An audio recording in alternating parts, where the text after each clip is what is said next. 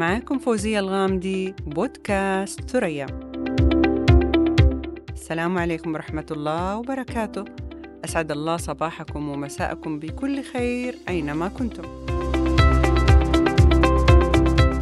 عادة ليست اجتماعية وهي عادة غير جميلة وقبيحة. ودكم تعرفون إيش هي؟ ودكم أقول لكم إيش هي؟ يلا نبدأ.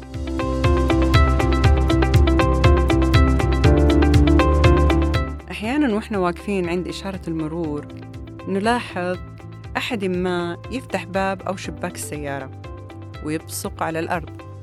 الله يكرمكم. أو يلقي علبة المشروبات أو المناديل أو أعقاب السجائر بالشارع.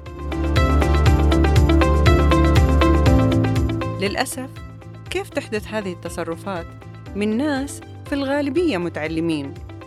ترى هذا المنظر المقزز يجب أن يتوقف. لازم نكون قدوة لغيرنا من زوار بلدنا الحبيب. قدوة للمقيمين. نقتدي بهدينا الإسلامي الجميل الذي حثنا عليه الدين ألا وهو إماطة الأذى من الطريق.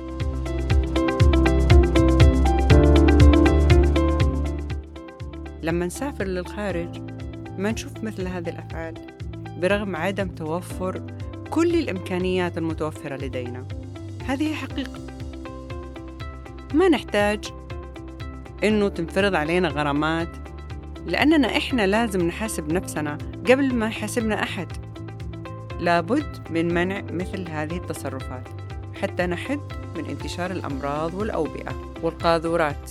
حقيقة هي ظاهرة غير منتشرة بس إحنا ما نبغى نشوفها أبدا. مع إنه وبصراحة ودي لو تفرض غرامة مالية لكل من يخالف. هي عادة غير اجتماعية. أحببت أن أتكلم عنها اليوم. يجب أن تنتهي تماما من شوارعنا وأمام أبوابنا.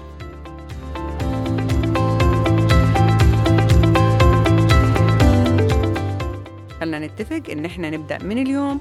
كل واحد يمتنع عن إلقاء المخلفات في الشوارع أو أمام الأبواب أو قريب من الشواطئ حتى تصبح بلدنا أجمل وأبهى.